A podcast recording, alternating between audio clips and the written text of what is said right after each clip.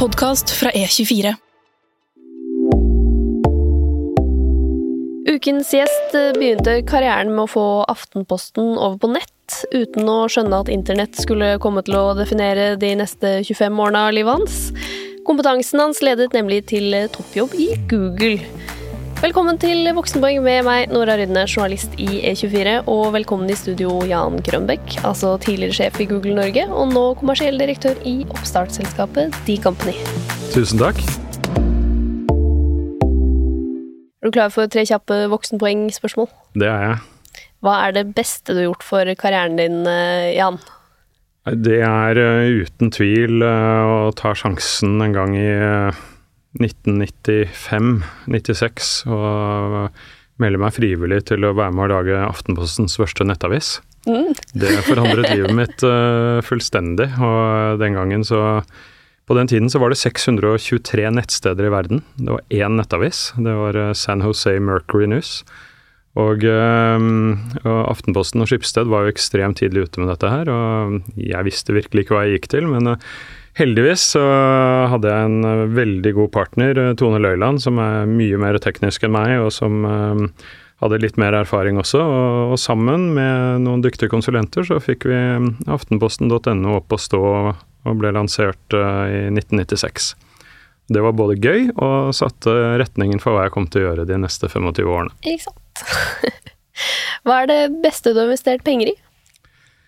Du, det var uh, noe i dotcom-tiden. Så fikk jeg anledning til å investere bitte lite grann penger i uh, et selskap som het DoubleClick. Som var den gangen både et amerikansk selskap, men i Skandinavia så hadde DoubleClick Skandinavia en avtale med, med selskapet i USA om at vi lisensierte teknologien deres og brandet deres og eh, hvis vi vurderte å gå på børs i Skandinavia, så skulle Doubleclick få kjøpe oss til uh, markedsverdi. Og uh, 18 måneder etter oppstart så meldte vi fra om at vi ønsket å gå på børs i Stockholm. Og da kjøpte Doubleclick oss for 585 ganger det vi hadde investert. Og som Janne Karlsson sa, som var med på den investeringen, det var ikke bare den beste investeringen han hadde gjort, det var den beste investeringen han hadde hørt om, og sannsynligvis er det det fremdeles. Så um, jeg, jeg fikk jo ikke investert så veldig mye der, men, uh, men uh, likevel Det betalte noen hus og, og stort sett det jeg trengte, så det var veldig greit. Det ble litt penger av det. ja. Så det er ikke hver gang man gjør 585-gangeren. Nei. Hva er det verste du har investert penger i, da? Du, jeg uh, gikk på en smell en gang. Uh, ble oppringt av en aksjemegler fra Terra. Dette var jo han hmm. samme karen som lurte disse kommunene oppe i nord. Ja. Uh, og um, jeg tapte jo selvfølgelig da alt. Um, så Terra gikk jo videre og ble Eika, og kunne drive på med det de hadde drevet på med fra før. Og, um, og kommunene fikk inn pengene, men alle småsparerne tapte alt. Så lærepengen der var vel å aldri tro at en aksjemegler som ringer deg med, ut fra telefonkatalogen, har um, dine interesser i høysetet når han ringer. Så jeg har ikke tatt de telefonene siden, for å si det sånn. Men Jan, internett det ble jo liksom din karriere. Eh, så da lurer jeg jo litt på hva du så for deg at du skulle bli eh, da du var eh, ung? Før internett var en greie. Ja, nei, jeg var vel litt som, eh, som, alle andre barn, holdt jeg på å si. Så en uke skal jeg bli brannmann, og en, en, uke skal jeg bli politimann. jeg eh, Men jeg var veldig interessert i langrenn. Og uh, gikk uh, aktivt på ski uh, fra jeg var en syv-åtte år og til jeg var 19. Så det var nok egentlig skiløper jeg hadde lyst til å bli. Ja. så var den store utfordringen at jeg var født i 1967. Det var også Bjørn Dæhlie. Um, så vi skjønte jo ganske raskt, mange av oss, at uh, uh, vi kommer i hvert fall ikke til å bli best, for å si det sånn. Og, og da, da syns jeg da jeg var 19 at det, det holdt.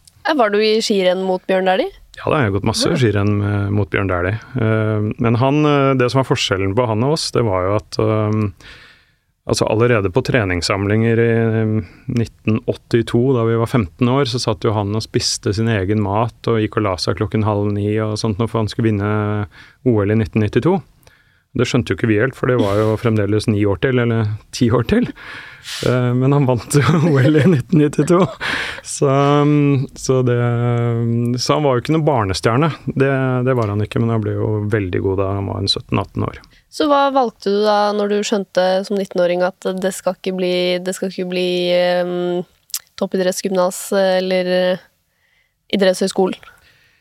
Du, da, eh, da, var det jo tid, på tide å dra i militæret. Og, og, for meg den gangen så uh, var det egentlig eh, et enkelt valg. Altså enten så prøvde man å komme seg ut av det, eller så prøvde man å gjøre det skikkelig. Så jeg gikk befalsskolen for infanteriet på Kongsberg. Den er dessverre lagt ned nå, men det var en fantastisk opplevelse, egentlig. Og og særlig i pliktåret, hvor du da i en alder av 20 år får prøvd om du har sjans å, å, kunne jobbe som leder. Mm. For det er klart, det å, det, å, lede vanlige vernepliktige soldater som er rundt 20 år, og de fleste jeg hadde med å gjøre, var enten fiskere fra Vest-Finnmark eller mye tømmerhuggere fra, fra Hedmarksområdet. Og uh, de hadde jo ikke lyst til å være militære. De tapte jo penger på det, bokstavelig talt. Jeg gjorde det jo ikke, ikke sant. Så, så det var en, en fin opplevelse. Så, men det var uh, for meg en, et, et, godt valg på det tidspunktet. Jeg var kanskje litt skolelei, og, og de to årene i militæret var, uh, var veldig bra. Og da skjønte du at leder var kanskje noe for deg, eller? Det har jeg nok alltid trivdes med helt siden sandkassa, holdt jeg på å si. Ja, du er en sånn en? En sånn barnehagesjef? ja, jeg, jeg er enebarn, ja. Eh, og, og også vokste opp ved siden av et annet enebarn. Og, og vi har jo kranglet mye opp gjennom årene om eh, hva man skal gjøre, hvordan man skal gjøre det og sånt nå. Så jeg ble kanskje litt vant til å få viljen min, men men når det er sagt, øh, det var alltid naturlig for meg å være den som f.eks. tok initiativet til øh, skal vi dra på telttur i helgen, eller skal vi dra sammen 20 gutter og spille en fotballkamp på lørdag, eller sånne ting. Så, så det, det, falt egentlig ganske naturlig. Men, men det er klart den utfordringen som, som ventet da i Kirkenes med, med en haug med relativt eh, demotiverte, sure eh, unge soldater, det, det var en, eh, en, ny utfordring, da. Det, men det gikk veldig bra, og det var, det var, spennende, og det var en veldig lærerik tid. Så hva tenkte du når tiden kom for å velge studier? Det, det var Jeg sier ofte at jeg er glad for at jeg studerte før internett.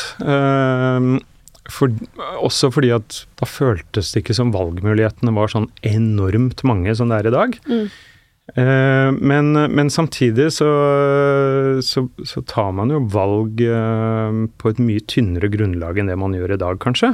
Eh, men eh, det var sånn livet var den gangen. Jeg eh, personlig var vel eh, Altså mine styrker lå innenfor økonomiske, administrative, samfunnsvitenskapelige fag.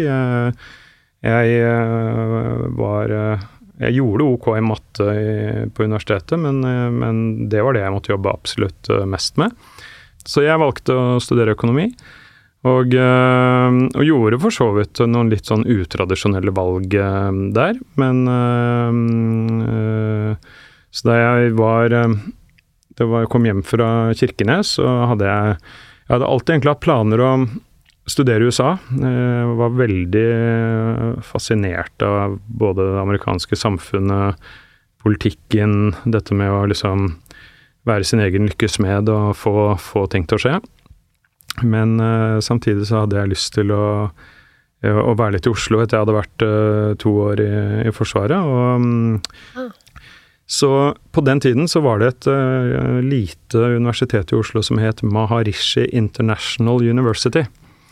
Det fins ennå i USA, det er veldig stort i USA. Det har jo over 10 000 studenter der borte. Men uh, i Norge så ble det dessverre lagt ned. Det, var, det er ikke lett å drive privatskoler i Norge. Men, men, det eksisterte her i en tiårs tid. Og det som jeg likte veldig godt med det, var at de hadde ett fag av gangen. Sånn at du f.eks. startet med matte. så tok du statistikk, så tok du SOSØK uh, osv. Og, og på den måten så bygget hvert, hver klasse på de foregående. Så du måtte liksom gjøre det ok i den første for å kunne ta den andre. Ja. Det som også var utrolig bra, det var at um, siden hver klasse varte ca. en måned, og var det ekstremt intens, så var det veldig lett for dem å rekruttere veldig gode lærekrefter eller professorer fra USA. Ja.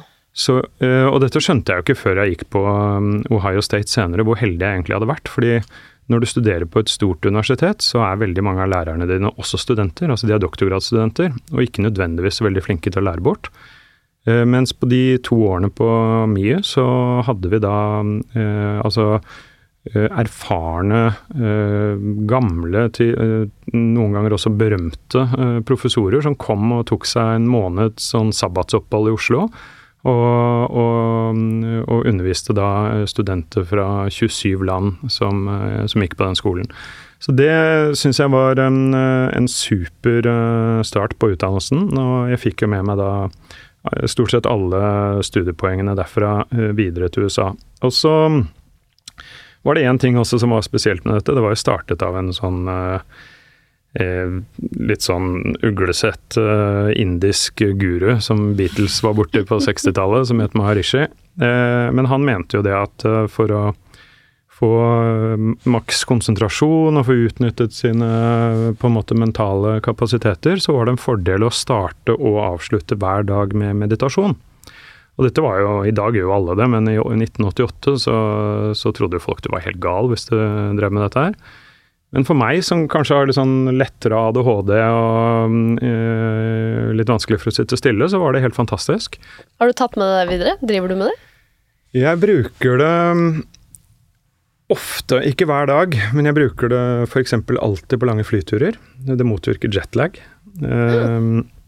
Jeg bruker det også mm, noen ganger, eh, la oss si jeg skal holde et foredrag eh, for 1500 eh, mennesker. Du er kanskje litt smånervøs, står og tripper litt, kjenner pulsen slår. Da hjelper det meg veldig. Og, og så hjelper det også altså Generelt sett, det gir deg overskudd og, det, og hjelper deg på en måte å, å virkelig slappe av. Så det så jeg, jeg, jeg, på en måte jeg bruker det når anledningen byr seg, for å si det sånn. Og, og særlig da på, i situasjoner der du gjerne transporteres fra, fra A til B. Ja.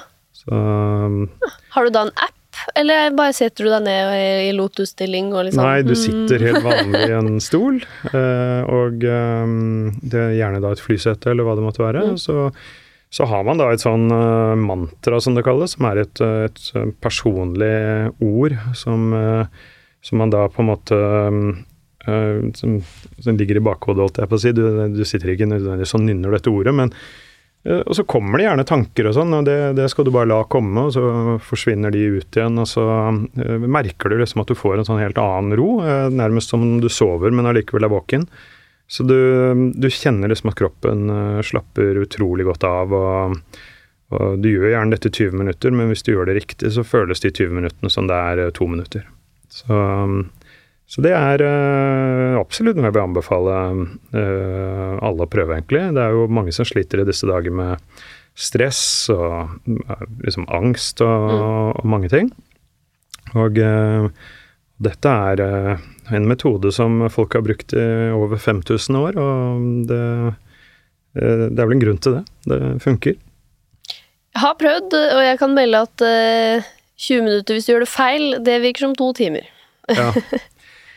ja. nei, jeg tror det er litt avhengig av uh, Altså, man må, man må ville dette her. Ja, uh, ja og, det er det.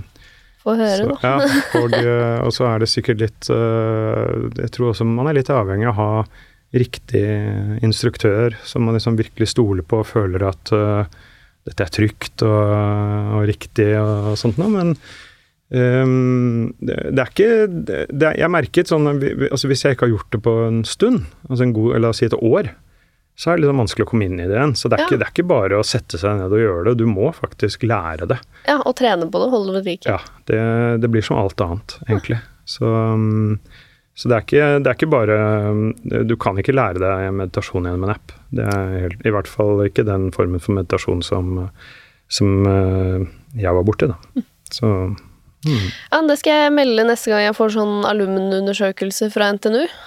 sånn, jeg er misfornøyd med at jeg ikke lærte meg å meditere. Men Jan, du fikk altså jobb i Aftenposten, og da var du eh, sjef for Selgerne, var det ikke det? Som solgte papiravisa? Det syns jeg er litt vittig. Ja, dette var jo på Aftenpostens liksom absolutte høydepunkt eh, som papiravis. Mm. Uh, vi hadde 330 000 abonnenter. 1,2 millioner daglige lesere. Uh, avisen kom ut i 13 budleverte utgaver om da i uken. Og det var bare, så vidt jeg husker, tre aviser i hele verden som hadde det. Det var en eh, avis i USA som het Baltimore Sun, og så var det en avis i Japan. Så Aftenposten var jo i en særstilling. Plutselig gikk du derfra til å utvikle nettavis, som var kanskje litt mer motbakke?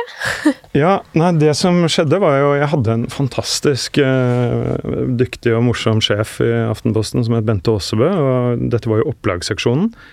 Og en dag på et morgenmøte så sier Bente er det noen som kunne tenke seg å lage Aftenpostens nettavis. Og av en eller annen merkelig grunn da, så bare skjøt min arm i været. Og uh, som jeg sa, ikke sant, det var jo ingen som visste hva en nettavis var. Uh, men jeg hadde i 1992 vært på sånn bedriftsbesøk hos uh, CompuServe i Columbus, Ohio. Og CompuServe var sånn proprietært nett, som var liksom forløperen til internett, hvor du kunne bestille flybilletter og gjøre litt banktjenester og gjøre litt veldig enkel netthandel. Mm. Så jeg hadde en liten sånn idé om at internett, når det kommer, det kommer til å bli stort. Og eh, så, så jeg rakk opp hånden og, eh, og, og, satte i gang med dette. Og det er klart um, Det var jo Altså, det motet som Kjell Aamodt som konsernsjef den gangen måtte utvise for å få det her til å skje, var jo helt vilt. Fordi alt var bare fryd og gammen for alle av Skipsteds aviser. Det gikk så det grein, ikke sant. Og han tenkte da at nei, nå skal vi rett og slett ta disse avisene og digitalisere dem, og sikkert kutte topplinjen så det holder. Men dette er fremtiden, og dette må vi gjøre. Og eh, Så han eh, skjønte det. Og, eh, og det fikk blant annet da jeg anledning til å være med på, og det var jo utrolig spennende. Men det var ikke trampeklapp i redaksjonen, det kan man vel trygt si. Så jeg, jeg husker jeg sto i heisen en gang med Einar Hanseid, en legendariske redaktøren i Aftenposten den gangen, som, som vi på kommersiell side hadde enorm respekt for. og og han, eh, så sa han det er morsomt med denne nettgreia di, Grønbekk, sa han. Eh, dere får stå på, men, men, det er ikke noe hast. så, mm, så, det var ja. Eh, ja. Og så var jo Ja, dere satte i gang med å utvikle avisen på nett. Nei, så, så, den ble jo lansert i 96, og den gangen så husker jeg det var 70 000 mennesker i Norge som hadde tilgang til internett. Det bare sier litt om hvor tidlig mm. Skipsted var. Og så brukte man jo sånn 14.4-modem eller sånn 28.8-modem med disse pipelydene og sånt, og telefonen virket da ikke når du var på nett, ikke sant, fordi ja. du brukte telefonledningen. Og um, det tok jo gjerne et halvt minutt, et minutt å laste ned forsiden på avisen hjemme. Uh, så det var ikke noen stor opplevelse. Og jeg husker jo da vi hadde fått den avisen opp å stå, så satt jeg og klikket meg gjennom uh, Klikket på disse blå lenkene, da. Uh, uh, så følte jeg at jeg kom til enden av internett. Og så klikket jeg meg tilbake ved å klikke på back-knappen. Så kom jeg hjem til kona og så sier jeg at du, jeg, liksom, jeg har fått testet litt internett i dag. Det, det var jo spennende, men det er ganske kjedelig når du har kommet til slutten, så må du klikke deg tilbake. Det tar jo kjempelang tid. Så sa hun du vet du bare kan gå og skrive inn nettadressen på toppen i det der feltet. Og jeg bare å! Kan jeg det, ja? Så da, da, skjønte jeg litt sånn Dette var smart. Men det var takket være kona, da. Ja. ja. Hun hadde fått med seg det. Hun hadde fått med seg det. Ok, Så to digitale hoder i det hjemmet. Ja, det kan du si. du eh, gjorde jo en overgang etter hvert. Eh, og hva, hvorfor det, egentlig? For det, ja. dette var jo, høres ut som et evighetsprosjekt. Nei, det, det, skal jeg si deg. Fordi at uh, dette opplegget i Aftenposten var jo Altså nettsatsingen uh, var jo for min del et prosjekt. Uh, sånn at ja. Når Nettavisen da var oppe og sto, så skulle jeg da gå tilbake til eh, Eller jeg, jo, jeg hadde jo hele tiden dagjobben min med å drive med abonnementssalg. Jeg, men da skal jeg gå tilbake til bare det. Å fortsette å selge papirabonnement etter oh. selv å ha laget en nettavis. Så for meg var det veldig vanskelig å gå tilbake og eh, motivere meg selv egentlig til å selge papirabonnement, for dette hadde jeg ikke noe tro på lenger. Ja, det var, det, det var internett som var det Ja. Og akkurat da så ringte Bent Brugård, eh, som da var sjef for noe som het Telenor Online, som eide Scandinavia Online, altså det som het Sol, eller fremdeles heter sol.no. Mm. Og sa du, Jan, vi skal lage eh, noe lignende America Online, og eh, vi trenger noen til å bygge opp eh, annonsesalgssatsingen der. Kunne du tenke deg å gjøre det? Og det tok meg sånn ca. ett sekund, tror jeg, å si ja takk. Og, og begynte da med det i august eh, 1996. Og, eh, og den gangen så var det jo ingen annonser på nett i Norge. Så, jo, så da hadde jeg fått være med å lage en av de første nettavisene, og så fikk jeg da anledning til å bygge opp uh, den første annonsesalgsavdelingen i, i Norge også. Og, um, og den gangen så var jo teknologien ganske, ganske dårlig, sånn at når vi fikk solgt den første annonsen, og det var til Telenor Media, husker jeg, så ble jo den hardkodet på toppen av siden. Eh, så ingen kunne klikke på den, ingen visste hvor mange som hadde sett den. Eh, og eh, prisen var det bare jeg som bestemte. Den, jeg tror jeg tok 200 000 for to uker. Det var sannsynligvis en av de dyreste annonsene som noensinne er solgt, eh, i forhold til effekten. Men, eh, men greit nok. eh, det var en start, og, og den bransjen har jo vokst litt siden. Bitte litt. Ja. Dobbeltklikk, når kom det inn i bildet? Nei, det sånn, Dette var jo din, Ja. dine, din aksje-win. ja. Det, det som da skjedde, var at da jeg var i Sol, så var det en dag det sto eh, to dresskledde herrer på døren. eh, John Barabino og Barry Saltzman. Og eh, de eh, Det var vel sånn eneste gangen i mitt liv hvor eh, dette her med at hvis du, hører, hvis du hører om noe som er for godt til å være sant, så er det sannsynligvis for godt til å være sant.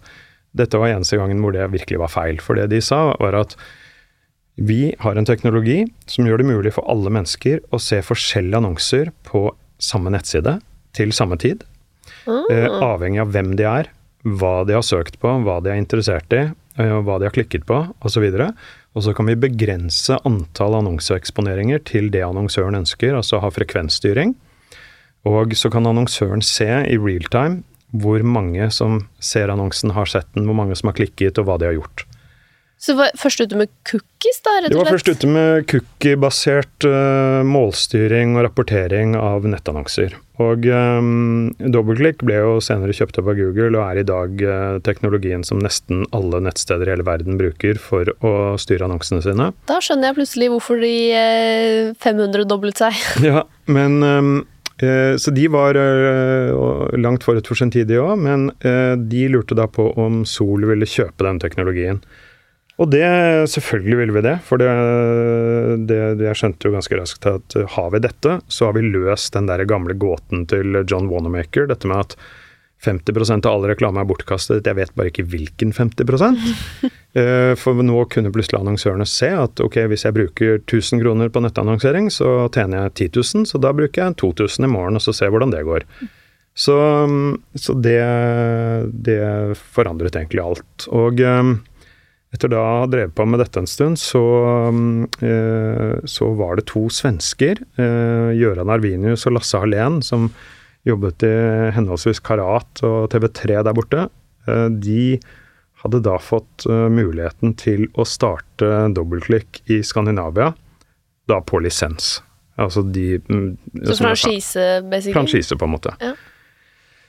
Og de hadde fått med seg Janne Karlsson og, og uh, Arne Næss junior som investorer, og, uh, og dro i gang dette, først i Sverige, og uh, skulle så dra i gang i Norge. Og da hadde John Barabino og Barry Salzman tipset dem om meg, og sagt at når dere skal dra i gang i Norge, så burde dere ringe Jan. Og det gjorde de. Og Så jeg husker at jeg satt og spiste lunsj på Grand Café med Janne Karlsson, som var liksom en av mine store helter fra, fra studietiden. Det var jo han som var sjef i SAS og skrev 'Riv pyramiden' og sendte alle på smilekurs og sånt noe. Og eh, han klarte da å overtale meg til å begynne i dobbeltklikk i Norge. Eller å starte Dobbeltklikk Norge. Og i løpet av de neste fire årene så fikk vi en um, ca. 40% markedsandel i det norske annonsemarkedet, og solgte oss annonser for 220 nettsteder i Norge innenfor alle mulige kanaler. Så det ble utrolig bra. Og i, det var jo den forbindelse at vi, altså vi vokste jo da fra null til uh, ja, 78 millioner i omsetning på, på, relativt kort tid. Nå er ikke det så mye i dag, men den gangen så var det enormt mye. Og, og, og det var jo da Doubleclick sa at, at, de ville da kjøpe oss, og det gjorde de i januar 2000, som da bokstavelig talt var en uke før dotcom-bobla sprakk. Oh. Så det var ikke sånn veldig dårlig timing, eh, kan man si. Noen vil kanskje si perfekt timing, til og med. Gå så langt. Så, um, så var jo vi da i en sånn earnout-modell der et par år etterpå, hvor, um, hvor det, det, vi da egentlig fikk betalt for disse aksjene, var avhengig av hva vi klarte å omsette for uh, fremover. Uh, og, uh, men det gikk, uh, gikk, ganske bra. Så, så, i praksis så ble det så, selskapet solgt for en milliard kroner til, til Doubleclick Inc. Og, så disse finansielle, investorene vi hadde, hadde, med, de fikk godt betalt. Ikke sant. Mm. Så, men du fortsatte å jobbe der etter at det var solgt en liten stund? Jeg fortsatte med det, absolutt. Eh, så kom 9-11, og det snudde jo opp ned på en del ting. Det året hadde vi Jeg husker jeg hadde 100 millioner i budsjett det året. Og vi hadde nådd 78 eh, millioner eh, den 9. september, nei, 11. september. Og fra 11. september og ut året solgte vi for 1 million. Og det gjaldt hele bransjen. Yes. Så både VG og Aftenposten og alle andre også, de hadde sånn 99 fall i omsetningen eh, det resten av det året. Men, eh, men hvorfor det? Nei, da hadde vi jo først, først hadde vi vært gjennom en dotcom-krasj, eh, som mm. var vanskelig nok i seg selv. Men da 9-11 kom, så stoppet jo hele reisebransjen opp worldwide. Uh, og det ble jo veldig mye uro på børsene. Og så kom jo skeptikerne frem og sa ha-ha, det var det vi sa, internett var en flopp, dette er bare tull. Eh, så det ble, mm, ja, det ble rett og slett eh, panikk. Og eh, det var ikke bare nettannonser som falt, altså vanlige annonser falt jo mm, egentlig også. Det, men, men, det var ganske dramatisk. Og mm, dessverre da så fikk jo Doubleclick veldig kalde føtter. De hadde da en, god, en, en full lommebok. De hadde tre milliarder dollar i kontanter som de hadde hentet i en stor emisjon og satt og vurderte å kjøpe eh, noen spennende små eh, amerikanske aktører, deriblant Google. Eh, det gjorde de da ikke. Isteden så solgte de Dobbeltklikk Europa til et lite selskap i Tyskland som het Ad Adlink. Og det gjorde de for et par hundre millioner kroner, så de hadde først da liksom kjøpt Dobbeltklikk Norden for en milliard, og så ett og et halvt år senere solgte de Dobbeltklikk Europa for 200 millioner. Men Adlink var en konkurrent av Doubleclick fra, fra, Tyskland, men eh, det var på den tiden veldig eh, mismanaged på, på alle måter. Og eh, ja. Så akkurat i denne fasen her, så disse to uh, herrene som jeg møtte da i resepsjonen hos Sol, John Barabino og, og Barry Saltzman, de begynte da å jobbe i Google. Og eh, jeg hadde også noen kolleger i eh, Tyskland og England og andre steder som også gikk til eh, Google. Og mm, jeg selv brukte jo Google. Særlig når jeg skulle ansette folk, så googlet man dem jo. Det sa man allerede rundt oh. 2000. Okay. Og selv om AltaVista var den største søkemotoren på slutten av 90-tallet, så, så, var Google bedre til å liksom finne ut uh, hvem er denne personen. Så det var et eller annet spesielt med dem. da. Så jeg husker jeg sa til eh, John spesielt at eh, du, når dere er klare for Norge, så ring meg, da. Mm. Så sa han ja, Jan, nå er vi tre land, og Norge er nummer 17. Jeg kommer tilbake til det, Google er ekstremt datadrevne. Så hvis matematikk kan besvare spørsmål, så er det matematikken som gjelder. Da er det ikke følelser eller eh, liksom intuisjon eller sånne ting. Det er, det er tallene som gjelder. Så de sa Norge er nummer 17, så vi ringer deg.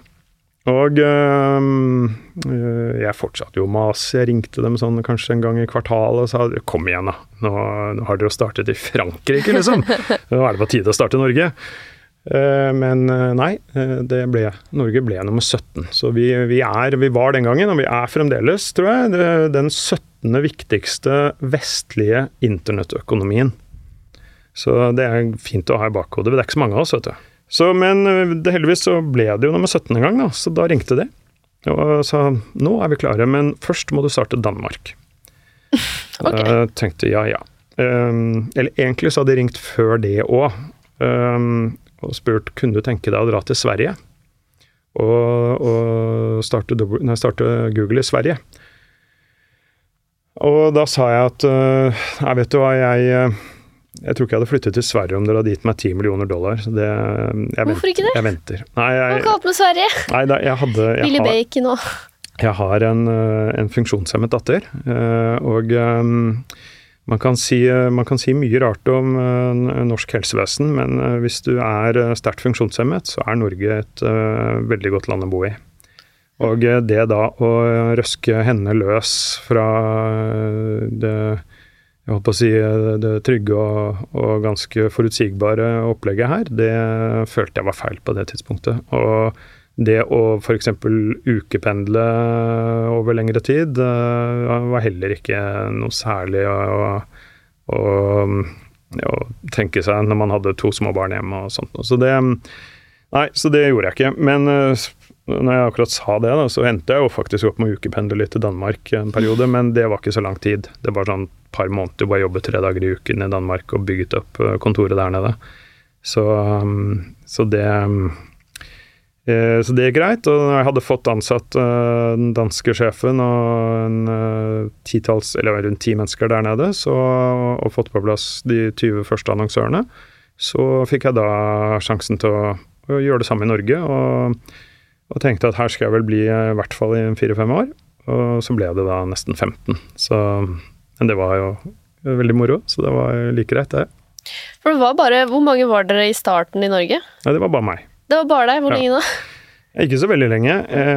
Jeg fikk med meg en, en eh, veldig dyktig søkemotormarkedsfører som het eh, Anne Signe Fagereng den gangen. Nå heter hun eh, Andreassen. Men Så det var oss to. De første tre månedene. Det tok vel en måneds tid før hun var på plass. Og så ble vi vel Nei, det var Nei, det, nå må jeg tenke meg om. Den første julen var det bare oss to. Det stemmer, det. For vi skulle vi var sånn Skal vi ha julebord? og så ble vi enige om at nei, vi tar bare en julelunsj. Det ble litt kleint. men, eh, men, så rett etter jul så fikk vi på plass um, noen andre, så ble vi en fem-seks stykker, og så, så, vokste det jevnt og trutt uh, framover. Så vi var vel 80 da jeg sluttet. Ja. Mm. Og skjønte du da hvor stort Google kom til å bli? Nei. Altså, før jeg begynte i Google, så satt jeg sammen med en uh, venn av meg som uh, jobber veldig mye med investeringer og er veldig god på analyse. Og så satt vi og vurderte om vi skulle kjøpe Google-aksjer da de gikk på børs til 83 dollar. Og vi satt og jobbet med dette her hele dagen og fant ut at den prisen på 83 dollar, den kan overhodet ikke forsvares. Den er komplett idiotisk. Den forretningsmodellen deres har vi ikke tro på i det hele tatt. Dette, dette kommer ikke til å funke. Så vi kjøpte ingenting. Eh, det var jo bare Ja, det var ganske teit. Uh, I dag er jo kursen 2700 dollar, og så er den splittet en gang, så den er egentlig 5400 dollar. ikke sant? Det, ja. uh, men lite visste vi om hvor stort det her skulle bli. Så var, jeg tror ikke det var noen som så for seg det. det men det var ikke det som var fascinasjonen heller. fordi jeg husker liksom Grunnleggerne av Google, Larry Page og Sergey Brin, de ble ofte spurt de første tre årene da de drev på om hva skal dere tjene penger på? For de hadde ikke tenkt på. De hadde ikke, noe, de hadde ikke et øre i omsetning før 2001. Da hadde selskapet vært uh, altså det hadde vært et aksjeselskap i tre år, og det hadde vært et uh, forskningsprosjekt i syv år. ikke sant? Og, og så sa de at uh, du, det er egentlig ikke så nøye, fordi hvis du får en milliard brukere, så løser pengeproblemet seg på en eller annen måte. Det er vi helt sikre på.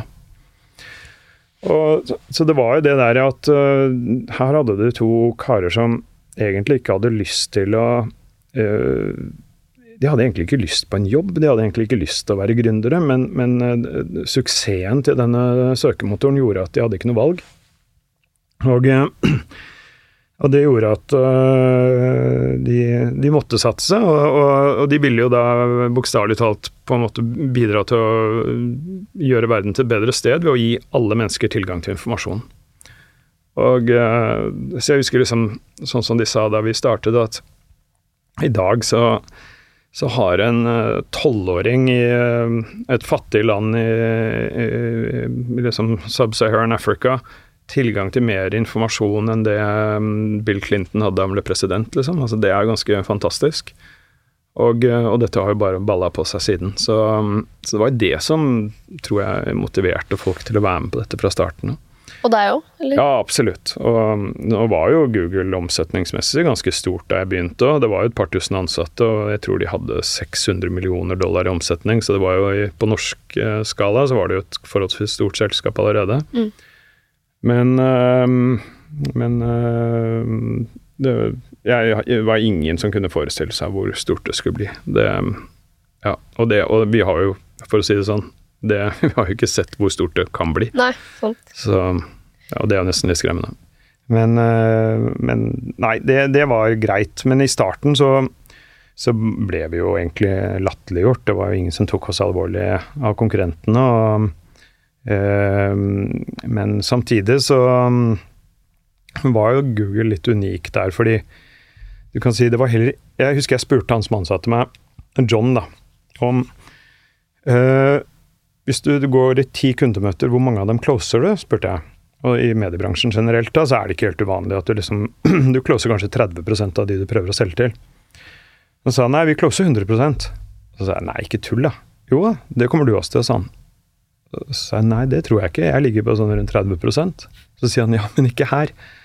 Så jeg ja vel, eh, hvorfor det? Så sier han nei, vent og se. Men poenget er at når du går ut til en kunde og sier hør her, vil du være til stede når folk søker på nøyaktig det du har å selge? Og du kan selv bestemme hva det skal koste når folk klikker på annonsen din. Og du kan selv bestemme dagsbudsjettet ditt. Så du kan sette det til ti kroner hvis du vil da skal du være ganske spess for å si nei. Ja. Ingen sa nei. Ikke sant?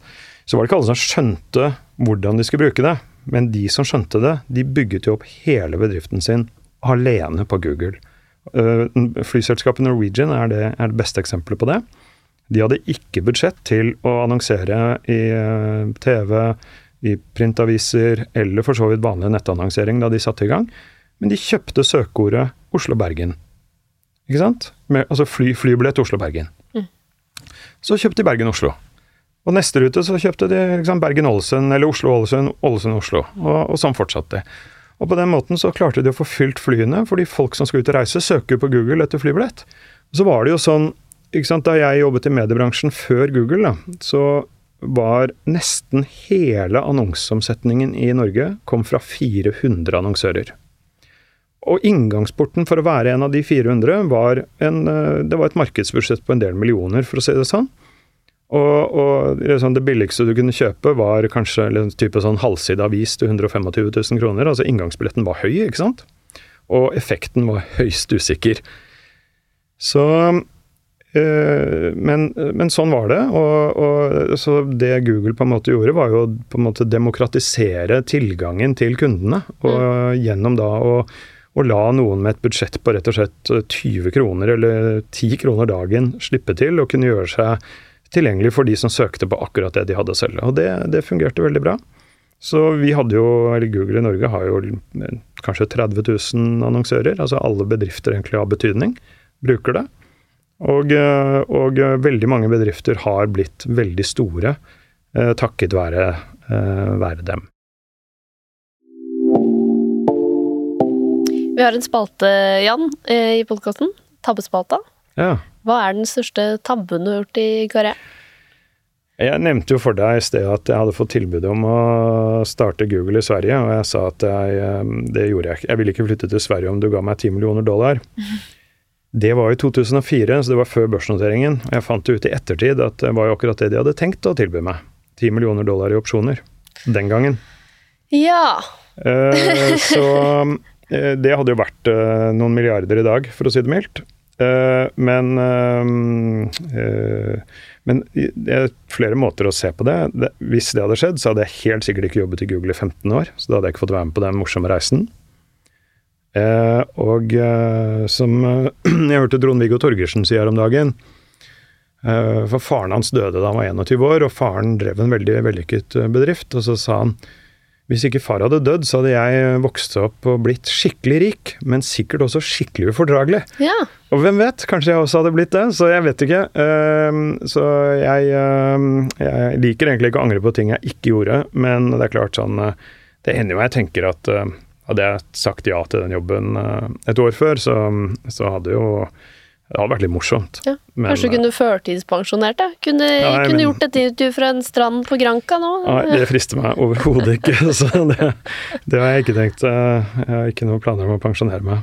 Um, så lenge helsa holder. Jeg lurer på, Google ble jo, mens du ledet bygget opp fra altså ingenting til eh, en av Norges mest attraktive arbeidsplasser. Eh, mye fordi det er jo veldig sagnomsust hva dere holder på med der inne. Eh, det er liksom fancy kontorer, og det er ja, ballrom. mm -hmm. Hvordan bygget dere opp det? Var det liksom føringer fra hovedkontoret i Silicon Valley, eller var det noe dere fant på for å tiltrekke dere folk? Nei, det var noen føringer.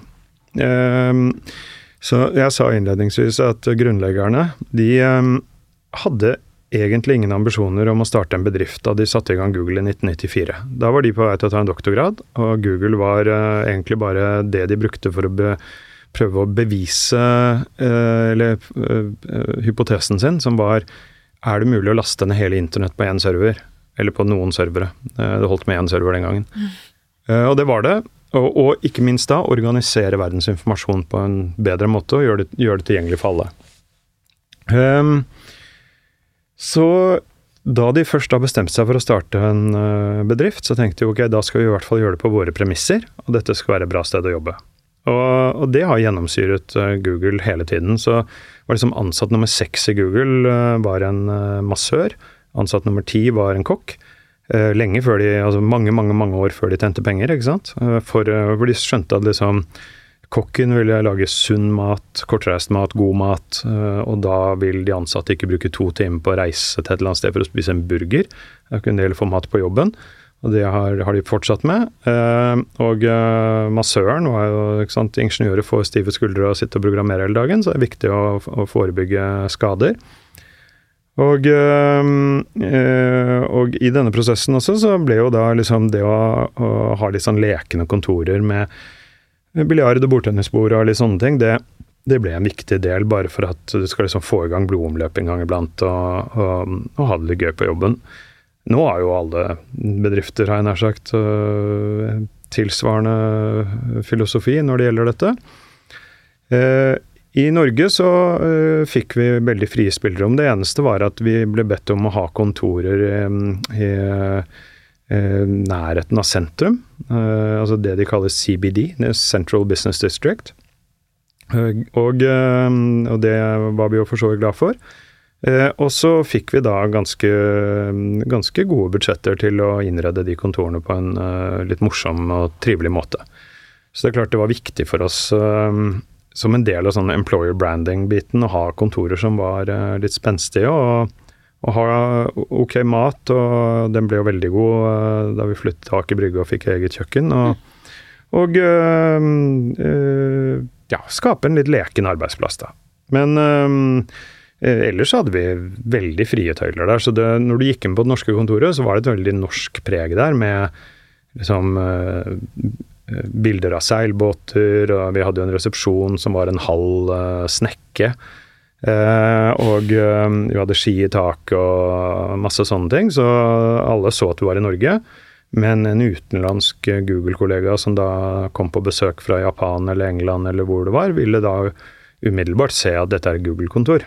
Ikke sant? Og det, ja. det, så du, du, skjønte at du var hos Google. Men dro du til Google-kontoret i Pittsburgh, så kom du inn i et gammelt jernverk. ikke sant? Fordi Pittsburgh var liksom jernbyen i USA, eller stålbyen i USA.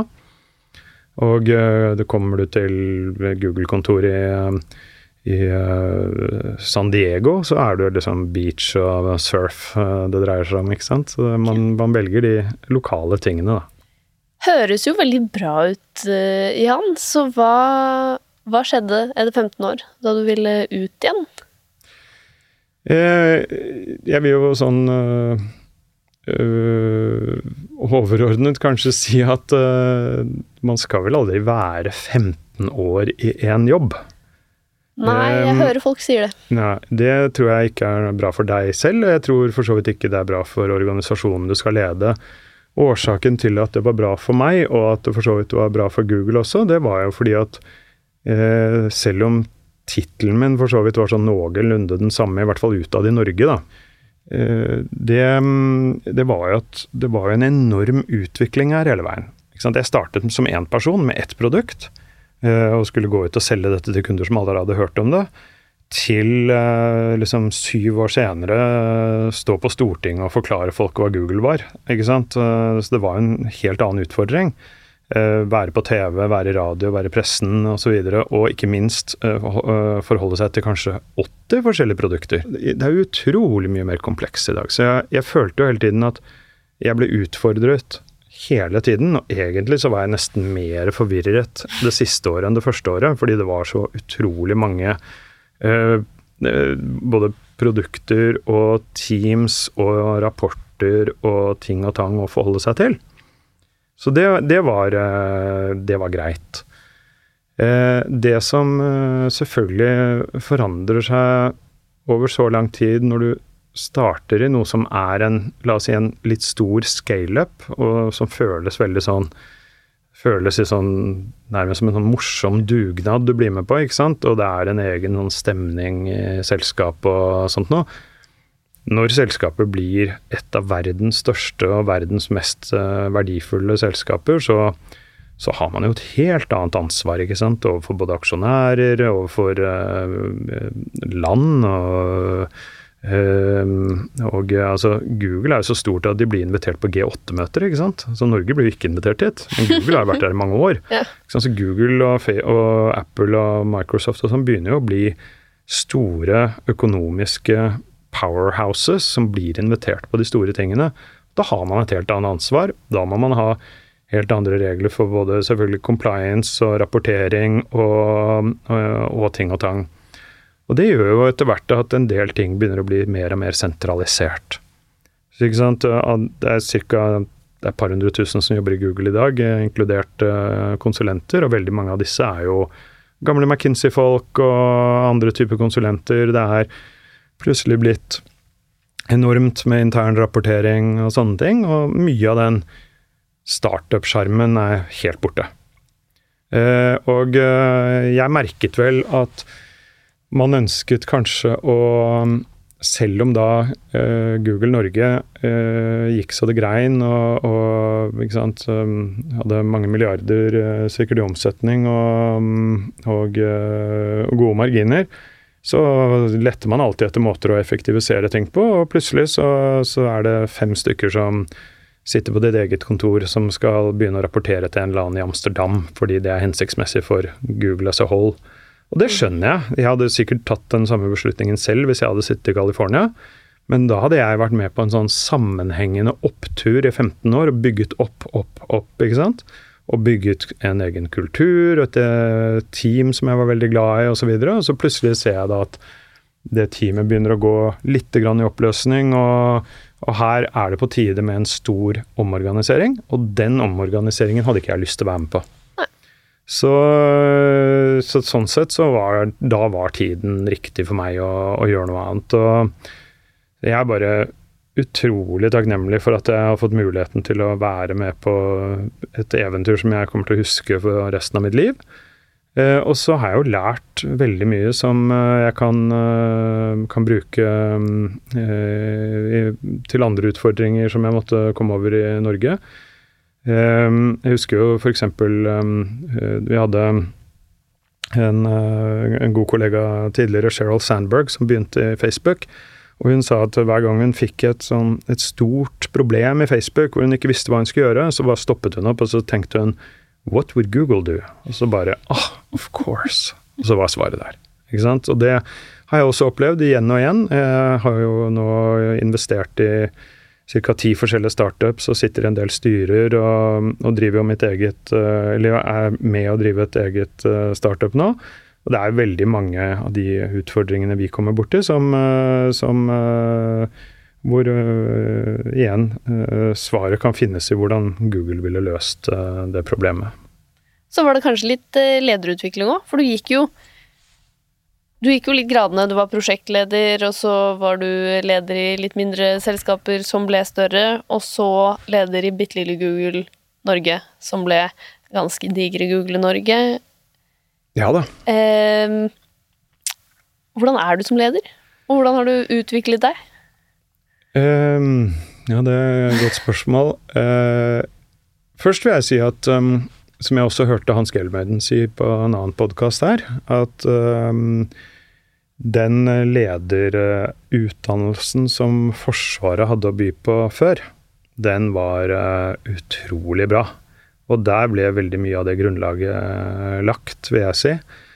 Um, og uh, mange tror kanskje at uh, i militæret så er det veldig sånn hierarkisk, og du skal bare gjøre det du blir fortalt og, og, sånne ting. Men det er det ikke nødvendigvis. Men det går mer på sånn Uh, altså uh, selvfølgelig det å kommunisere godt, uh, sørge for at alle har forstått hva oppgaven er, sørge for at alle vet hvor de skal og hvordan de skal gjøre det. Mm. Øve mye, og ikke minst også hvis du Hvis noen sier at de skal gjøre noe, bare gå tilbake og ta noen stikkprøver og sørge for at det har blitt gjort. jeg er på langt nær noen micromanager, det, det, er noe av det verste jeg vet. Men ja, i den grad så er det mange som også sier at jeg kanskje delegerer for mye og kanskje involverer meg for lite i detaljene. Okay. Uh, men det har vært uh, min måte å gjøre ting på, og så, så kan andre gjøre det på andre måter. Uh, men, men det, det, er egentlig noe jeg tok, meg, tok med meg fra militæret, og litt sånn tanken om frihet under ansvar. Så er det sånn man delegerer oppgaver, men man delegerer aldri ansvar. Jeg, når folk sier jeg, man kan delegere det ansvaret, så får jeg litt sånn frysninger, for det kan du ikke. Er du, er du toppleder, så er du toppleder. Og går ting til helvete, og det er noen nede i organisasjonen som har gjort en feil, så er det uansett eh, ditt ansvar hvis det er du som har delegert den oppgaven og ikke fulgt opp at den er blitt gjort på en eh, riktig eller skikkelig måte. Så det er vel også en av de eh, læringene jeg tok med derfra. Og nå er du selvfølgelig styregrossist. Det hadde vært vanskelig for deg å unngå, tror jeg. Eh, nesten. Og så er det eh, D-Company. Ja, D-Company, ja. som er ju, uh, Jeg har prøvd å finne et festlig ord for det. Justech. Uh, Legal tech? Legal tech, ja. ja. Legetech. Nei, jeg, jeg, skal uh, Jeg er ikke styregrossist i ordets rette betydning. Men jeg det sier har, alle som er styregrossist. Jo, jeg skjønner det, men, uh, men, for å si det Når jeg tenker på styregrossister, så tenker jeg på liksom folk som har det som et yrke, og som sitter i store børsnoterte selskaper og, ja, okay, og liksom har et enormt ansvar. Ja. Litt sånn Birger Magnus-type Eh, mennesker som er styreleder i NRK og sitter i bankstyrer og sant, er med her og der. Um, men jeg sitter i noen styrer i noen startups uh, som jeg også har investert i. Og det er jo litt for å passe på investeringen min, men også fordi jeg syns det er uh, veldig moro. Mm. Uh, og så, men dagjobben min er jo da å lede det kommersielle arbeidet i et selskap som heter D-Company. Og eh, der eh, jobber jeg sammen med noen eh, fantastisk dyktige jurister, og ikke minst veldig dyktige teknologer. Jeg har jo lenge trodd, og jeg har snakket om digital transformasjon i 25 år. Og det er jo sånn at um, vi tror at alle jobber som er farlige, skitne eller kjedelige, kommer til å bli automatisert. Og i Norge så har vi vært utrolig flinke til å automatisere og robotisere eh, industrien. Og det er jo fordi at ufaglært arbeidskraft i Norge er ekstremt dyrt, den dyreste i verden. Eh, mens faglært arbeidskraft, og gjerne sånn hvitsnipparbeidskraft, er ganske billig i Norge. Så norske ingeniører nå begynner å, å, bli liksom eh, Altså India begynner å ta igjen Norge i pris. Så, så eh, Og det har gjort at man da har f.eks. Eh, ventet med å automatisere de mer sånn kjedelige kontorjobbene, hvis man kan kalle det det.